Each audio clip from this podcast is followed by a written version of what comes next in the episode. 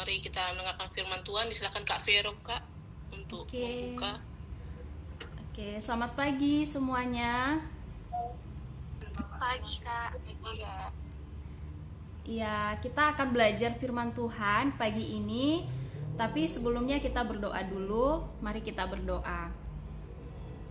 Bapa di dalam sorga, Bapa yang mengasihi kami, Bapa yang telah menjadikan kami berharga dan mulia di matamu. Pada pagi ini kami datang kepadamu, kami bersyukur karena Tuhan masih memberikan kami kehidupan pada saat hari ini dan kami bersyukur karena Tuhan juga masih terus memelihara kehidupan kami pribadi lepas pribadi. Kami memuji Engkau dan menyembah Engkau di pagi ini karena kami tahu Engkaulah Allah kami, Engkaulah Tuhan kami yang berkuasa atas segala sesuatu dan Engkaulah juga sang pemilik kehidupan kami. Kami bersyukur untuk pengorbananmu di kayu salib yang telah menyelamatkan kami, yang telah eh, memberikan kami penebusan dari dosa dan menjadikan kami pribadi yang eh, layak di hadapanmu, pribadi yang engkau sebut anak-anak yang engkau kasihi. Pada saat ini ya Tuhan, kami mau bersama-sama mendengarkan Engkau berbicara kepada kami melalui kebenaran firman-Mu. Biarlah roh kudus-Mu boleh bekerja di dalam eh, hambamu yang menyampaikan sehingga bisa menyampaikan apa yang menjadi isi hati Tuhan dan juga roh kudusmu bekerja di dalam setiap kami pribadi lepas pribadi sehingga kami bisa mendengarkan, bisa mengerti dan kami boleh merasakan eh, kuasa dari kebenaran firman Tuhan yang boleh menyentuh kami pribadi lepas pribadi. Kami serahkan waktu ini kepadamu Tuhan dan kami serahkan segala sesuatu yang kami pikirkan, yang kami alami, yang kami pergumulkan. Tuhan yang paling tahu, biarlah Tuhan yang memberikan setiap kami kelegaan, pengharapan yang bersumber daripadamu. Terima kasih Tuhan, ini doa kami. Sempurnakanlah di dalam dan melalui Yesus Kristus, kami berdoa dan mengucap syukur. Amin. Baik, eh, salam kenal ya semuanya. Ini kelas 10 semua ya.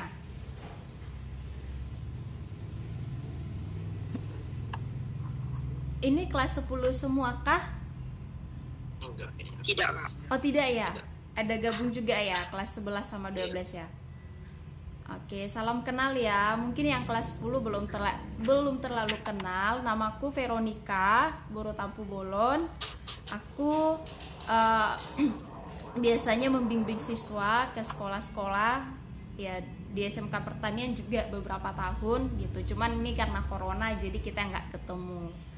Eh, kita akan belajar firman Tuhan bersama-sama dari Daniel 6 ayat 1 sampai 12. Mari kita buka Alkitab kita ya. Boleh dibuka eh, Alkitabnya, bisa juga kalau ada Alkitab di HP juga nggak masalah itu dibuka. Eh, Daniel 6 ayat 1 sampai 12. Nah, eh, aku minta bantuannya untuk membacakan eh, Daniel Alfonso itu membacakan ayat 1 sampai 6 Terus Desi Gultom membacakan ayat 7 sampai 12. Oke, bisa Daniel sama Desi?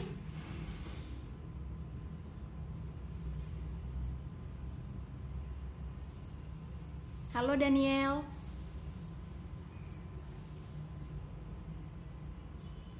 Daniel berapa tadi kak? Eh, Daniel pasal 6 ayat 1 sampai 12. Daniel Alfonso boleh membacakan ayat 1 sampai 6 ya. Kalau sudah dapat terus nanti langsung dilanjut sama Desi Gultom ayat 7 sampai 12. Silahkan.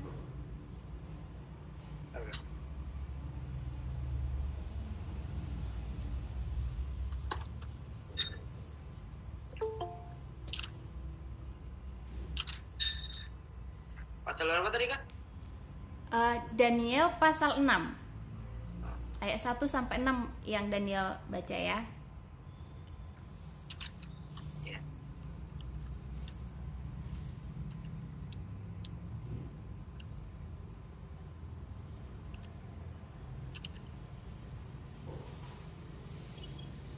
Dua singa.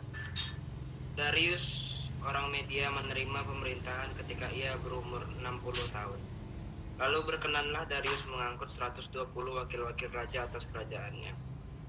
Mereka akan ditempatkan di seluruh kerajaan, membawahi mereka diangkat pula Mereka diangkat pula tiga penjabat tinggi, dan Daniel adalah salah satu dari ketiga orang itu.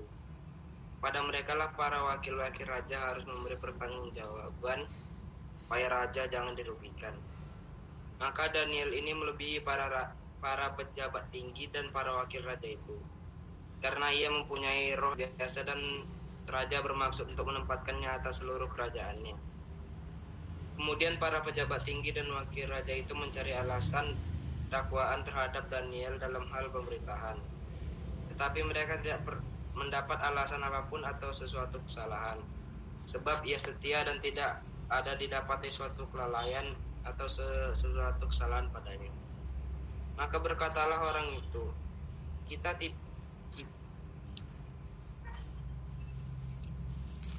kita tidak akan mendapat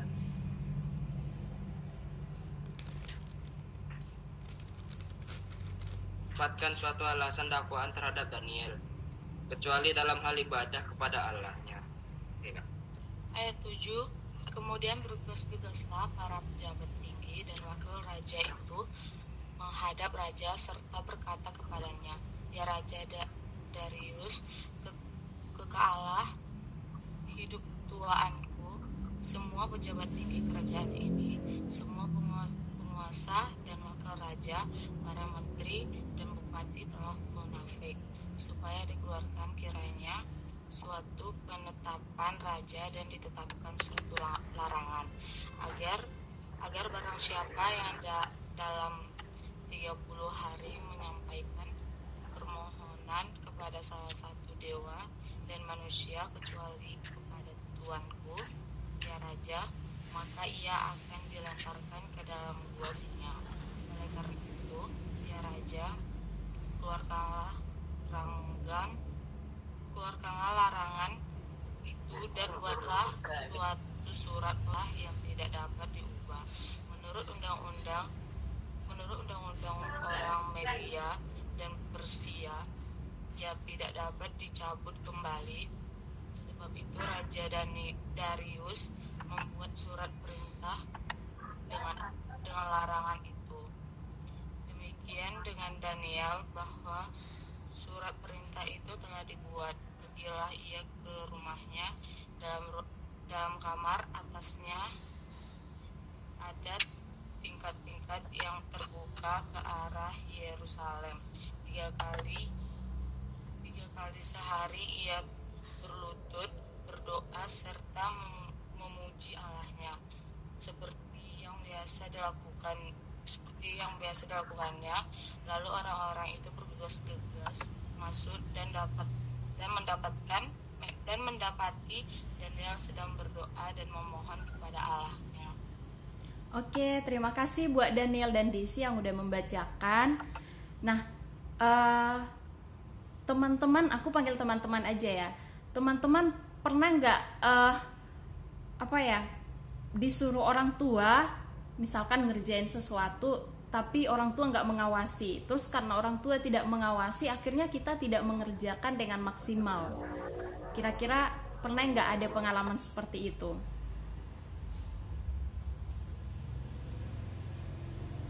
Kalau aku sendiri aku pernah mengalami seperti itu.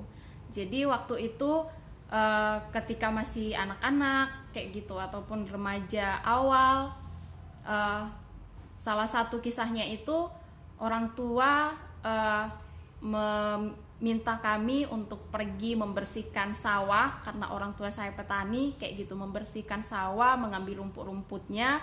Tapi orang tua ada urusan pergi keluar gitu. Jadi pergi hampir seharian itu ada urusan jadi tidak di rumah uh, pergi ke tempat yang jauh untuk menyelesaikan urusannya terus uh, yang aku yang tadinya dikasih tugas untuk uh, membersihkan rumput-rumput di sawah itu uh, asik bermain dengan teman-teman. Jadi uh, bermain dengan teman-teman, cerita-cerita dan uh, dalam pikiran gini nanti aja lah bermain dulu sekarang. Tapi ternyata tanpa sadar udah sore gitu udah sore baru tersadar eh udah sore aku belum ngerjain apa yang dibilang sama mama gitu. Terus bentar lagi mama akan pulang. Dan yang aku lakukan waktu itu adalah uh, aku pergi ke sawah sore-sore itu.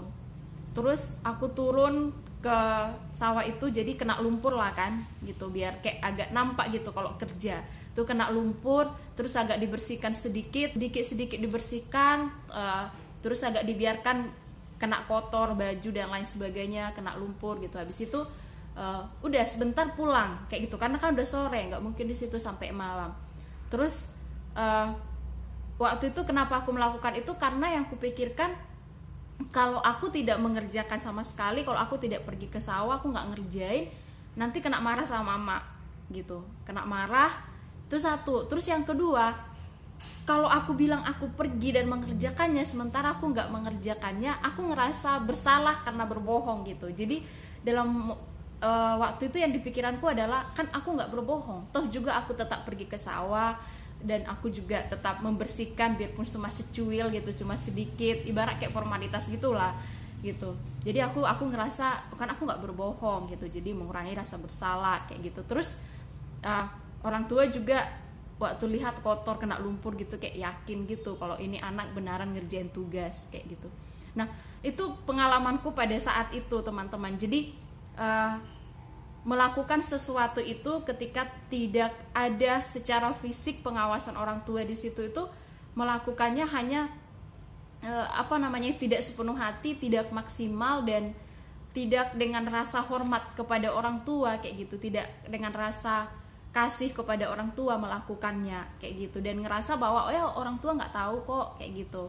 Nah dan teman-teman kita dari kisah ini mau belajar tentang bagaimana sih kita kalau di hadapan Tuhan. Itu tadi kisah aku yang menggambarkan bagaimana aku di hadapan orang tua gitu. Nah bagaimana kita uh, menyadari uh, hadirat Tuhan di dalam uh, kehidupan kita dalam apa yang uh, dipercayakan sama kita apa yang kita lakukan sehari-hari Nah, kita belajar dari kisahnya Daniel. Nah, Daniel ini uh, kan seorang Yahudi nih. Dia itu seorang Yahudi, tapi dia uh, sudah diangkut ke dalam pembuangan. Jadi dia hidup dan bekerja itu di dalam uh, pembuangan gitu atau di tempat bangsa-bangsa uh, lain yang menawan mereka. Dan dia bekerja dengan bangsa-bangsa lain, hidup di tengah budaya bangsa lain gitu. Dan pada kisah yang di pasal 6 ini dia bekerja di bidang pemerintahan dan uh, raja waktu itu adalah Raja Darius yaitu seorang media. Dan uh, Daniel ini dipilih menjadi salah satu dari tiga pejabat tinggi di kerajaan dan di bawah mereka ada banyak pejabat-pejabat, pekerja-pekerja pemerintahan yang lainnya yang itu ada dalam di bawah kepemimpinan mereka dan memberikan tanggung jawab kepada Daniel sebagai uh, pemimpin tertinggi bersama dengan dua rekan yang lain karena ada tiga pemimpin tertinggi yang dipercayakan. Nah, uh, Daniel ini dikatakan di ayat 4 itu memiliki roh yang luar biasa kalau kita lihat di versi bahasa Inggrisnya namanya NIV itu disebutkan Daniel ini memiliki kualitas yang luar biasa, kualitas yang bagus, yang menonjol, baik itu dari segi karakternya, baik itu dari segi eh, nilai-nilai uh, hidupnya, baik itu dari segi pekerjaannya, skillnya, kemampuannya, bagaimana dia bekerja, tanggung jawabnya, Uh, semua itu menunjukkan kualitas yang luar biasa yang sangat menonjol dan bisa dipercaya gitu. Sehingga raja berencana untuk mengangkat dia uh, menaikkan jabatan dia lebih tinggi lagi sehingga dia bisa membawahi mengurusi seluruh kerajaan gitu. Nah dan saat uh, raja merencanakan itu dan pejabat-pejabat yang lain tahu teman-teman akhirnya mereka um, muncul rasa iri gitu rasa cemburu. Nah um, pertama yang kita mau pelajari dari sini adalah eh oh kan, kenapa mereka muncul rasa iri dan rasa cemburu? Ya karena mereka juga teman-teman bukan orang-orang yang sudah mengenal Tuhan ya. Dan mereka tidak siap kalau Daniel itu mendapatkan posisi yang lebih tinggi dari mereka sehingga mereka itu berencana untuk menjatuhkan Daniel, menjatuhkan, menyingkirkan Daniel. Dan ketika mereka cari-cari alasan e, untuk menjatuhkan ataupun menyingkirkan Daniel, mereka cari-cari mereka tidak menemukan alasan yang tepat. Karena apa? Karena uh, dalam tanggung jawab pekerjaan di pemerintahan yang dihandle oleh Daniel yang dipercayakan ke Daniel itu tidak ada kesalahan ataupun hal-hal buruk yang mereka dapati. Jadi itu artinya Daniel ini benar-benar mengerjakan segala sesuatunya itu dengan kejujuran dan dengan memberikan yang terbaik sehingga tidak ada celah bagi orang-orang itu untuk menjatuhkan Daniel dari sisi itu. Nah, dan akhirnya mereka uh, mengambil celah yang lain yaitu dari sisi ibadahnya Daniel. Nah, dari sini kita melihat bahwa Daniel ini berarti dikenal sebagai orang yang uh, beriman, sebagai orang yang dekat dengan Tuhan, sebagai orang yang setia beribadah. Makanya rekan-rekannya bisa berpikir untuk menjatuhkan dia dari sisi itu karena memang dia uh, dikenal sebagai orang yang dekat dengan Tuhannya yang setia beribadah gitu. Nah, dari sini kita belajar dua hal. Yang pertama, Daniel ini bertanggung jawab dalam perannya di bidang pemerintahan. Dan dia juga dikenal sebagai orang yang dekat dengan Tuhan, yang setia beribadah kepada Tuhan. Nah, masing-masing kita ya sebagai siswa pasti punya peran punya tanggung jawab. Salah satunya itu sebagai seorang pelajar. Nah bagaimana kita menjalani peran kita sebagai seorang pelajar? Apakah kita mengerjakannya dengan kejujuran? Apakah kita mengerjakannya dengan memberikan yang terbaik? Itu penting gitu. Dan uh, mengerjakan dengan kejujuran dan memberi yang terbaik tidak selalu teman-teman kita harus jadi juara satu gitu. Karena itu nggak mungkin. Dalam satu kelas itu juara satu pasti satu nggak mungkin semua gitu. Nah tapi yang paling penting adalah uh, bagaimana kita uh, mengerjakan studi kita itu dengan kejujuran pada diri sendiri kejujuran kepada orang tua kejujuran kepada Tuhan ya dan juga bagaimana kita mengenali diri kita, mengenali potensi kita, dan kita berusaha untuk mengembangkannya sebaik mungkin, gitu. Dan kita nggak harus sama dengan teman kita yang lain, gitu. Karena Tuhan menciptakan kita unik, memberikan kita potensi juga yang berbeda-beda satu dengan yang lain, gitu. Nah, eh, Firman Tuhan pagi ini mengingatkan kita untuk menjalani peran kita sebagai pelajar ataupun peran kita yang lain sebagai anak juga atau yang lainnya dengan kejujuran ya jangan munafik, jangan membo membohongi diri sendiri, jangan membohongi orang tua, jangan membohongi Tuhan gitu. Dan juga bagaimana kita mengerjakan dengan sebaik-baiknya, mempersembahkan yang terbaik dari apa yang Tuhan percayakan sama kita, dari apa yang kita bisa. Dan juga eh, teman-teman uh, uh, bagaimana kita boleh di tengah-tengah teman-teman kita, kita boleh dikenal sebagai orang yang mengenal Tuhan, yang setia beribadah, yang dekat dengan Tuhan. Nah, itu penting. Ya. Lalu kemudian uh, yang kedua, uh, Daniel ini kenapa sih dia begitu setia beribadah padahal dia berada di tempat pembuangan? Jawabannya adalah karena Daniel sadar identitasnya. Identitasnya itu adalah sebagai orang Yahudi yang disebut umat pilihan Allah jadi dia sadar akan identitasnya sebagai umat pilihan Allah sehingga dia tahu apa yang terpenting dalam hidupnya dan dia tahu seperti apa seharusnya seorang umat pilihan itu menjalani hidup yaitu untuk terus melekat dengan Tuhan, setia menyembah Tuhan dan mengikuti apa yang Tuhan perintahkan. Nah, eh, teman-teman sekalian, kita juga punya identitas yang harus kita ingat. Apa identitas kita?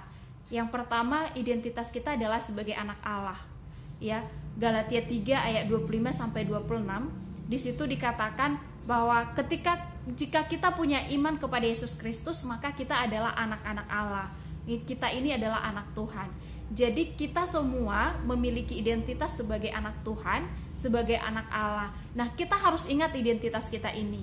Sehingga ketika kita menjalani hidup sebagai seorang remaja, sebagai seorang siswa, kita sadar bahwa diri kita itu berharga, bahwa diri kita itu mulia di hadapan Tuhan, bahwa kita itu pribadi yang dikasihi oleh Allah, karena kita anaknya, gitu. Sehingga ketika kita harus melakukan sesuatu, kita harus berpikir atau merasa terhadap sesuatu, kita menyesuaikan dengan identitas kita. kita terus ingat bahwa kita orang yang berharga, kita orang yang dikasihi oleh Tuhan. Nah, ini penting. Dan ketika kita juga mau melakukan sesuatu, kita uh, bisa mengerti apakah itu sesuai dengan kualitas seorang anak Tuhan. Apakah itu menggambarkan uh, apa yang uh, merupakan sifat-sifat Bapak kita. Karena kalau iya Bapak kita kan harusnya kita mewarisi sifat-sifatnya sebagai anak. Nah, ketika kita memilih untuk melakukan sesuatu atau mengerjakan sesuatu kita boleh menfilter itu sesuai apa enggak dengan sifat-sifat Bapak kita dengan kualitas seorang anak Tuhan gitu dan kita juga tidak mudah merasa minder merasa terpuruk merasa tidak berarti gitu karena kita tahu kita anak Tuhan jadi kita berharga kita dikasihi oleh Tuhan ya dan Kemudian juga identitas kita sebagai seorang murid Kristus. Ya, teman-teman boleh buka 1 Petrus 2 ayat 9. Di situ mengingatkan kita bahwa e, Kristus yang telah menebus kita dari dosa e, juga telah memanggil kita menjadi muridnya. Dan itu artinya kita dipanggil untuk hidup mengikut Kristus, meneladani Kristus dalam kehidupan kita. Dan teman-teman, kedua identitas ini mestinya kita ingat ketika kita uh, menjalani kehidupan kita sebagai seorang siswa, sebagai seorang murid gitu. Sehingga itu yang bisa memberi kita pengharapan, memberi kita penghiburan dan itu juga yang menolong kita untuk terus menyadari bahwa uh, kita tidak uh, seorang diri menjalani kehidupan kita dan kita tidak uh, terlepas dari pandangan Tuhan ya terlepas dari uh, perhatian Tuhan kayak gitu. Karena kita anaknya tentu pasti dia memperhatikan kita. Karena kita muridnya dia pasti bersama-sama dengan kita menyertai kita di mana pun kita berada karena di Matius bilang kan dia menyert aku akan menyertai kamu senantiasa gitu Kesadaran akan identitas itu akan menolong kita untuk mengerti hal tersebut dan menyadarinya. Lalu kemudian teman-teman di ayat 7 sampai 12 di situ dikatakan bahwa uh, rekan-rekannya Daniel tadi ya yang nggak suka sama dia itu, yang iri sama dia itu akhirnya uh, menghadap raja dan mereka minta untuk raja membuat undang-undang yang nggak bisa diubah. Jadi dulu itu ada undang-undang yang gak bisa diubah gitu dan uh, undang-undangnya itu adalah berisi bahwa semua orang di kerajaan itu itu harus menyembah dan memohon itu kepada raja nggak boleh kepada yang lain kalau ada yang coba-coba minta atau bermohon atau beribadah kepada yang lain kepada dewa manusia atau Allah yang dia yakini gitu. Dan kecuali kepada raja gitu ya. Bolehnya hanya kepada raja. Jadi kalau ada di luar itu maka hukumannya adalah akan dilemparkan ke gua singa. Nah teman-teman kalau udah dilemparkan ke gua singa itu kan berarti resikonya mati ya. Karena kan singa-singanya itu katanya adalah singa-singa yang kelaparan. Ya yang kita tahu singa itu kan uh, pasti akan memangsa manusia lah. Mana ada singa yang waktu kita dilemparkan ke gua singa terus dia singanya langsung wow kamu imut sekali. Sini kita berteman kita main-main. Mana ada singa seperti itu gitu. Kalau secara logikanya. Nah jadi teman-teman undang-undang itu dibuat dan ketika Daniel sudah mendengar dan tahu tentang undang-undang itu apakah Daniel berhenti untuk beribadah? Ternyata teman-teman tidak. Kita bisa lihat di ayat 11 dan 12 meskipun dia tahu itu tapi dia tetap melakukan ibadahnya seperti yang biasa dia lakukan gitu.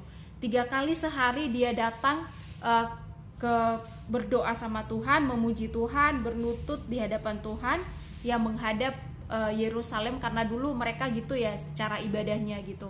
Jadi uh, dari sini kita bisa belajar bahwa Daniel ini uh, sadar bahwa identitasnya di dalam Tuhan itu itu lebih berharga daripada hal-hal yang lain.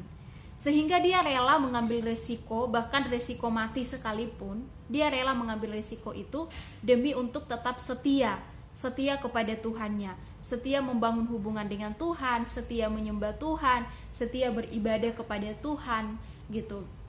Dan uh, ini juga yang menjadi rahasia keberhasilan Daniel aku pernah ikut uh, semacam seminar gitu menggali firman Tuhan jadi di situ dibukakan bahwa apa sih yang membuat Daniel itu menjadi orang yang excellent gitu, orang yang expert di dalam bidangnya, orang yang menonjol di dalam bidangnya, yang bisa dipercaya, mampu memberikan yang terbaik di dalam bidangnya. Uh, ternyata setelah diselidiki, digali, kuncinya adalah ini teman-teman, yang di ayat 11 sampai 12. Karena dia setia membangun hubungan pribadinya dengan Tuhan, setia mengambil momen waktu-waktu khusus untuk datang berdoa sama Tuhan setiap hari. Dan tentu ketika dia datang berdoa sama Tuhan, dia memuji Tuhan, tentu dia juga akan mendoakan apa yang dia kerjakan setiap hari kan. Pagi-pagi misalkan nih, pagi-pagi dia akan serahkan sama Tuhan apa yang akan dia jalani sepanjang hari ini. Gitu. Dia akan eh, paparkan itu satu-satu. Terus nanti tengah hari, tengah hari dia akan datang bersyukur sama Tuhan untuk apa yang dia telah kerjakan sepanjang setengah hari itu. Dan dia akan bisa melihat yang mana yang belum beres, apa yang perlu diperbaiki, terus uh, apa yang harus dia kerjakan ke depan. Nah, sehingga itu membuat kemampuan berpikirnya Daniel itu semakin kuat gitu dan dia semakin bisa melihat segala sesuatu yang dia jalani itu ya perannya itu dengan uh, cermat dan dia bisa mengerjakannya dengan baik. Jadi rahasianya kunci keberhasilan Daniel itu adalah kedekatannya dengan Tuhan. Kedisiplinannya untuk beribadah, kesetiaannya untuk beribadah kepada Tuhan. Dan ibadah bagi Daniel itu bukan sekedar ketika dia ada melakukan ibadah berdoa seperti ini, seperti yang kita lakukan ini, tapi juga ketika dia mengerjakan perannya, ketika dia bekerja dalam kerajaan, itu juga uh, menjadi bagian di mana dia mempraktekkan imannya gitu. Dia menyadari bahwa Allah hadir baik ketika dia beribadah secara uh, formal, secara apa namanya ya, ada acara seperti kita maupun ketika dia menjalani perannya dalam kehidupan sehari-hari. Dia menyadari bahwa Allah hadir di sana. Allah tidak meninggalkan dia, bahkan ketika pun dia berada dalam pembuangan, Allah tetap ada, hadir di sana dan itulah yang membuat Daniel boleh terus uh, dengan setia membangun hubungan dengan Tuhan dan juga dengan setia mengerjakan yang terbaik di dalam peran yang Tuhan percayakan kepada dia itu. Nah, teman-teman dari situ kita belajar bahwa kita perlu menyadari bahwa kita ini adalah anak-anak Tuhan, kita ini adalah murid-murid Kristus ya dengan iman kepada Yesus kita diangkat menjadi anak-anaknya kita dipanggil menjadi murid-muridnya yang diharapkan boleh terus bertumbuh uh, seperti yang Tuhan mau. Dan dengan kita menjadi anaknya menjadi muridnya kita harus sadar bahwa hidup kita sepenuhnya itu ada dalam pengawasan Tuhan itu ada dalam Allah hadir dalam seluruh hidup kita sehingga ketika kita sadar Allah hadir dalam seluruh hidup kita kita boleh dengan setia uh, beribadah kepada Dia dan juga dengan setia memberikan yang terbaik dalam segala sesuatu yang kita kerjakan, termasuk dalam proses belajar mengajar yang kita ikuti. Apalagi kan ini online kan, kita gampang aja bisa uh, berbohong, uh, tidak maksimal karena kan gak ada secara langsung yang mengawasi. Tapi kita harus ingat bahwa kita hidup dalam hadirat Tuhan sehingga ketika kita mengerjakan segala sesuatu kita mengerjakannya dengan kasih kepada Tuhan sehingga kita memberikan yang terbaik dan kita boleh mengerjakannya juga dengan kejujuran dengan memberikan yang terbaik dan tetap percaya bahwa kamu berharga bagi Tuhan karena kamu anaknya kamu dikasihi oleh Tuhan karena kamu adalah umat yang sudah ditebusnya dari dosa ya dia sudah menyerahkan dirinya mati di kayu salib untuk membuktikan bahwa dia mengasihi kamu mengasihi saya, mengasihi kita semua. Nah, kita perlu ingat itu. Sehingga itu juga yang membuat kita mau datang beribadah sama Tuhan, termasuk seperti pagi ini. Jadi kita melakukannya bukan dengan terpaksa atau karena disuruh sama guru agama, enggak, tapi karena kita tahu kita dikasihi oleh Tuhan. Kita sudah diselamatkan dari dosa. Dia sudah menyerahkan nyawanya mati untuk kita. Sehingga kesadaran itu membuat kita rindu untuk bersekutu dengan Dia, beribadah dengan Dia, gitu. Dan uh, kita dipanggil menjadi muridnya sehingga kita belajar bertanggung jawab memberikan yang terbaik, melakukan dengan kejujuran segala sesuatu yang dia percayakan sama kita. Salah satunya peran kita sebagai pelajar, peran kita sebagai anak, ataupun peran-peran kita yang lain. Ya, demikian firman Tuhan. Mari kita uh, berdoa. Kita berdoa. Ya Tuhan Allah kami, kami bersyukur untuk uh, pagi ini kami boleh uh, mendengarkan renungan firman Tuhan bersama-sama yang itu mengingatkan kami akan uh, identitas kami di hadapan Tuhan yaitu sebagai seorang anak Tuhan, seorang pribadi yang dikasihi oleh Tuhan dan juga sebagai seorang murid Kristus yang dipanggil untuk hidup meneladani Kristus. Dan sebagai anak Tuhan, sebagai murid Kristus, kami sadar bahwa hidup kami sepenuhnya ada dalam hadirat Tuhan kami tidak terlepas dari Tuhan, melainkan Tuhan ada, Tuhan hadir di dalam seluruh kehidupan kami, di dalam setiap waktu, dan juga di setiap langkah kami. Kiranya itu menolong kami untuk boleh uh, dengan hati yang rindu, boleh setia ya Tuhan melakukan ibadah kami, membangun hubungan pribadi dengan Tuhan, dan juga uh, senantiasa melekat ataupun dekat dengan Tuhan dan biarlah juga itu yang menolong kami untuk belajar mempersembahkan yang terbaik kepada Tuhan lewat setiap apa yang kami kerjakan dalam kehidupan kami sehari-hari yang Tuhan percayakan kepada kami. Salah satunya tanggung jawab kami sebagai seorang pelajar dan juga tanggung jawab kami sebagai seorang anak dan yang lain-lainnya.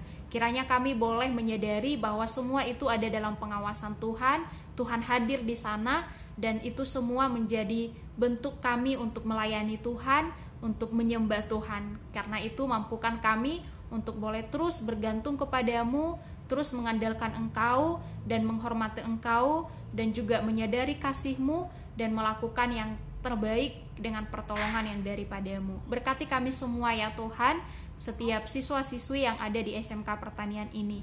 Biarlah kami menjadi kesaksian yang hidup di tengah-tengah sekolah kami dan biarlah hidup kami sepanjang kami di SMK Pertanian boleh mendatangkan kemuliaan bagi nama Tuhan. Terima kasih Tuhan, ini doa kami. Dalam nama Yesus kami telah berdoa dan mengucap syukur. Amin.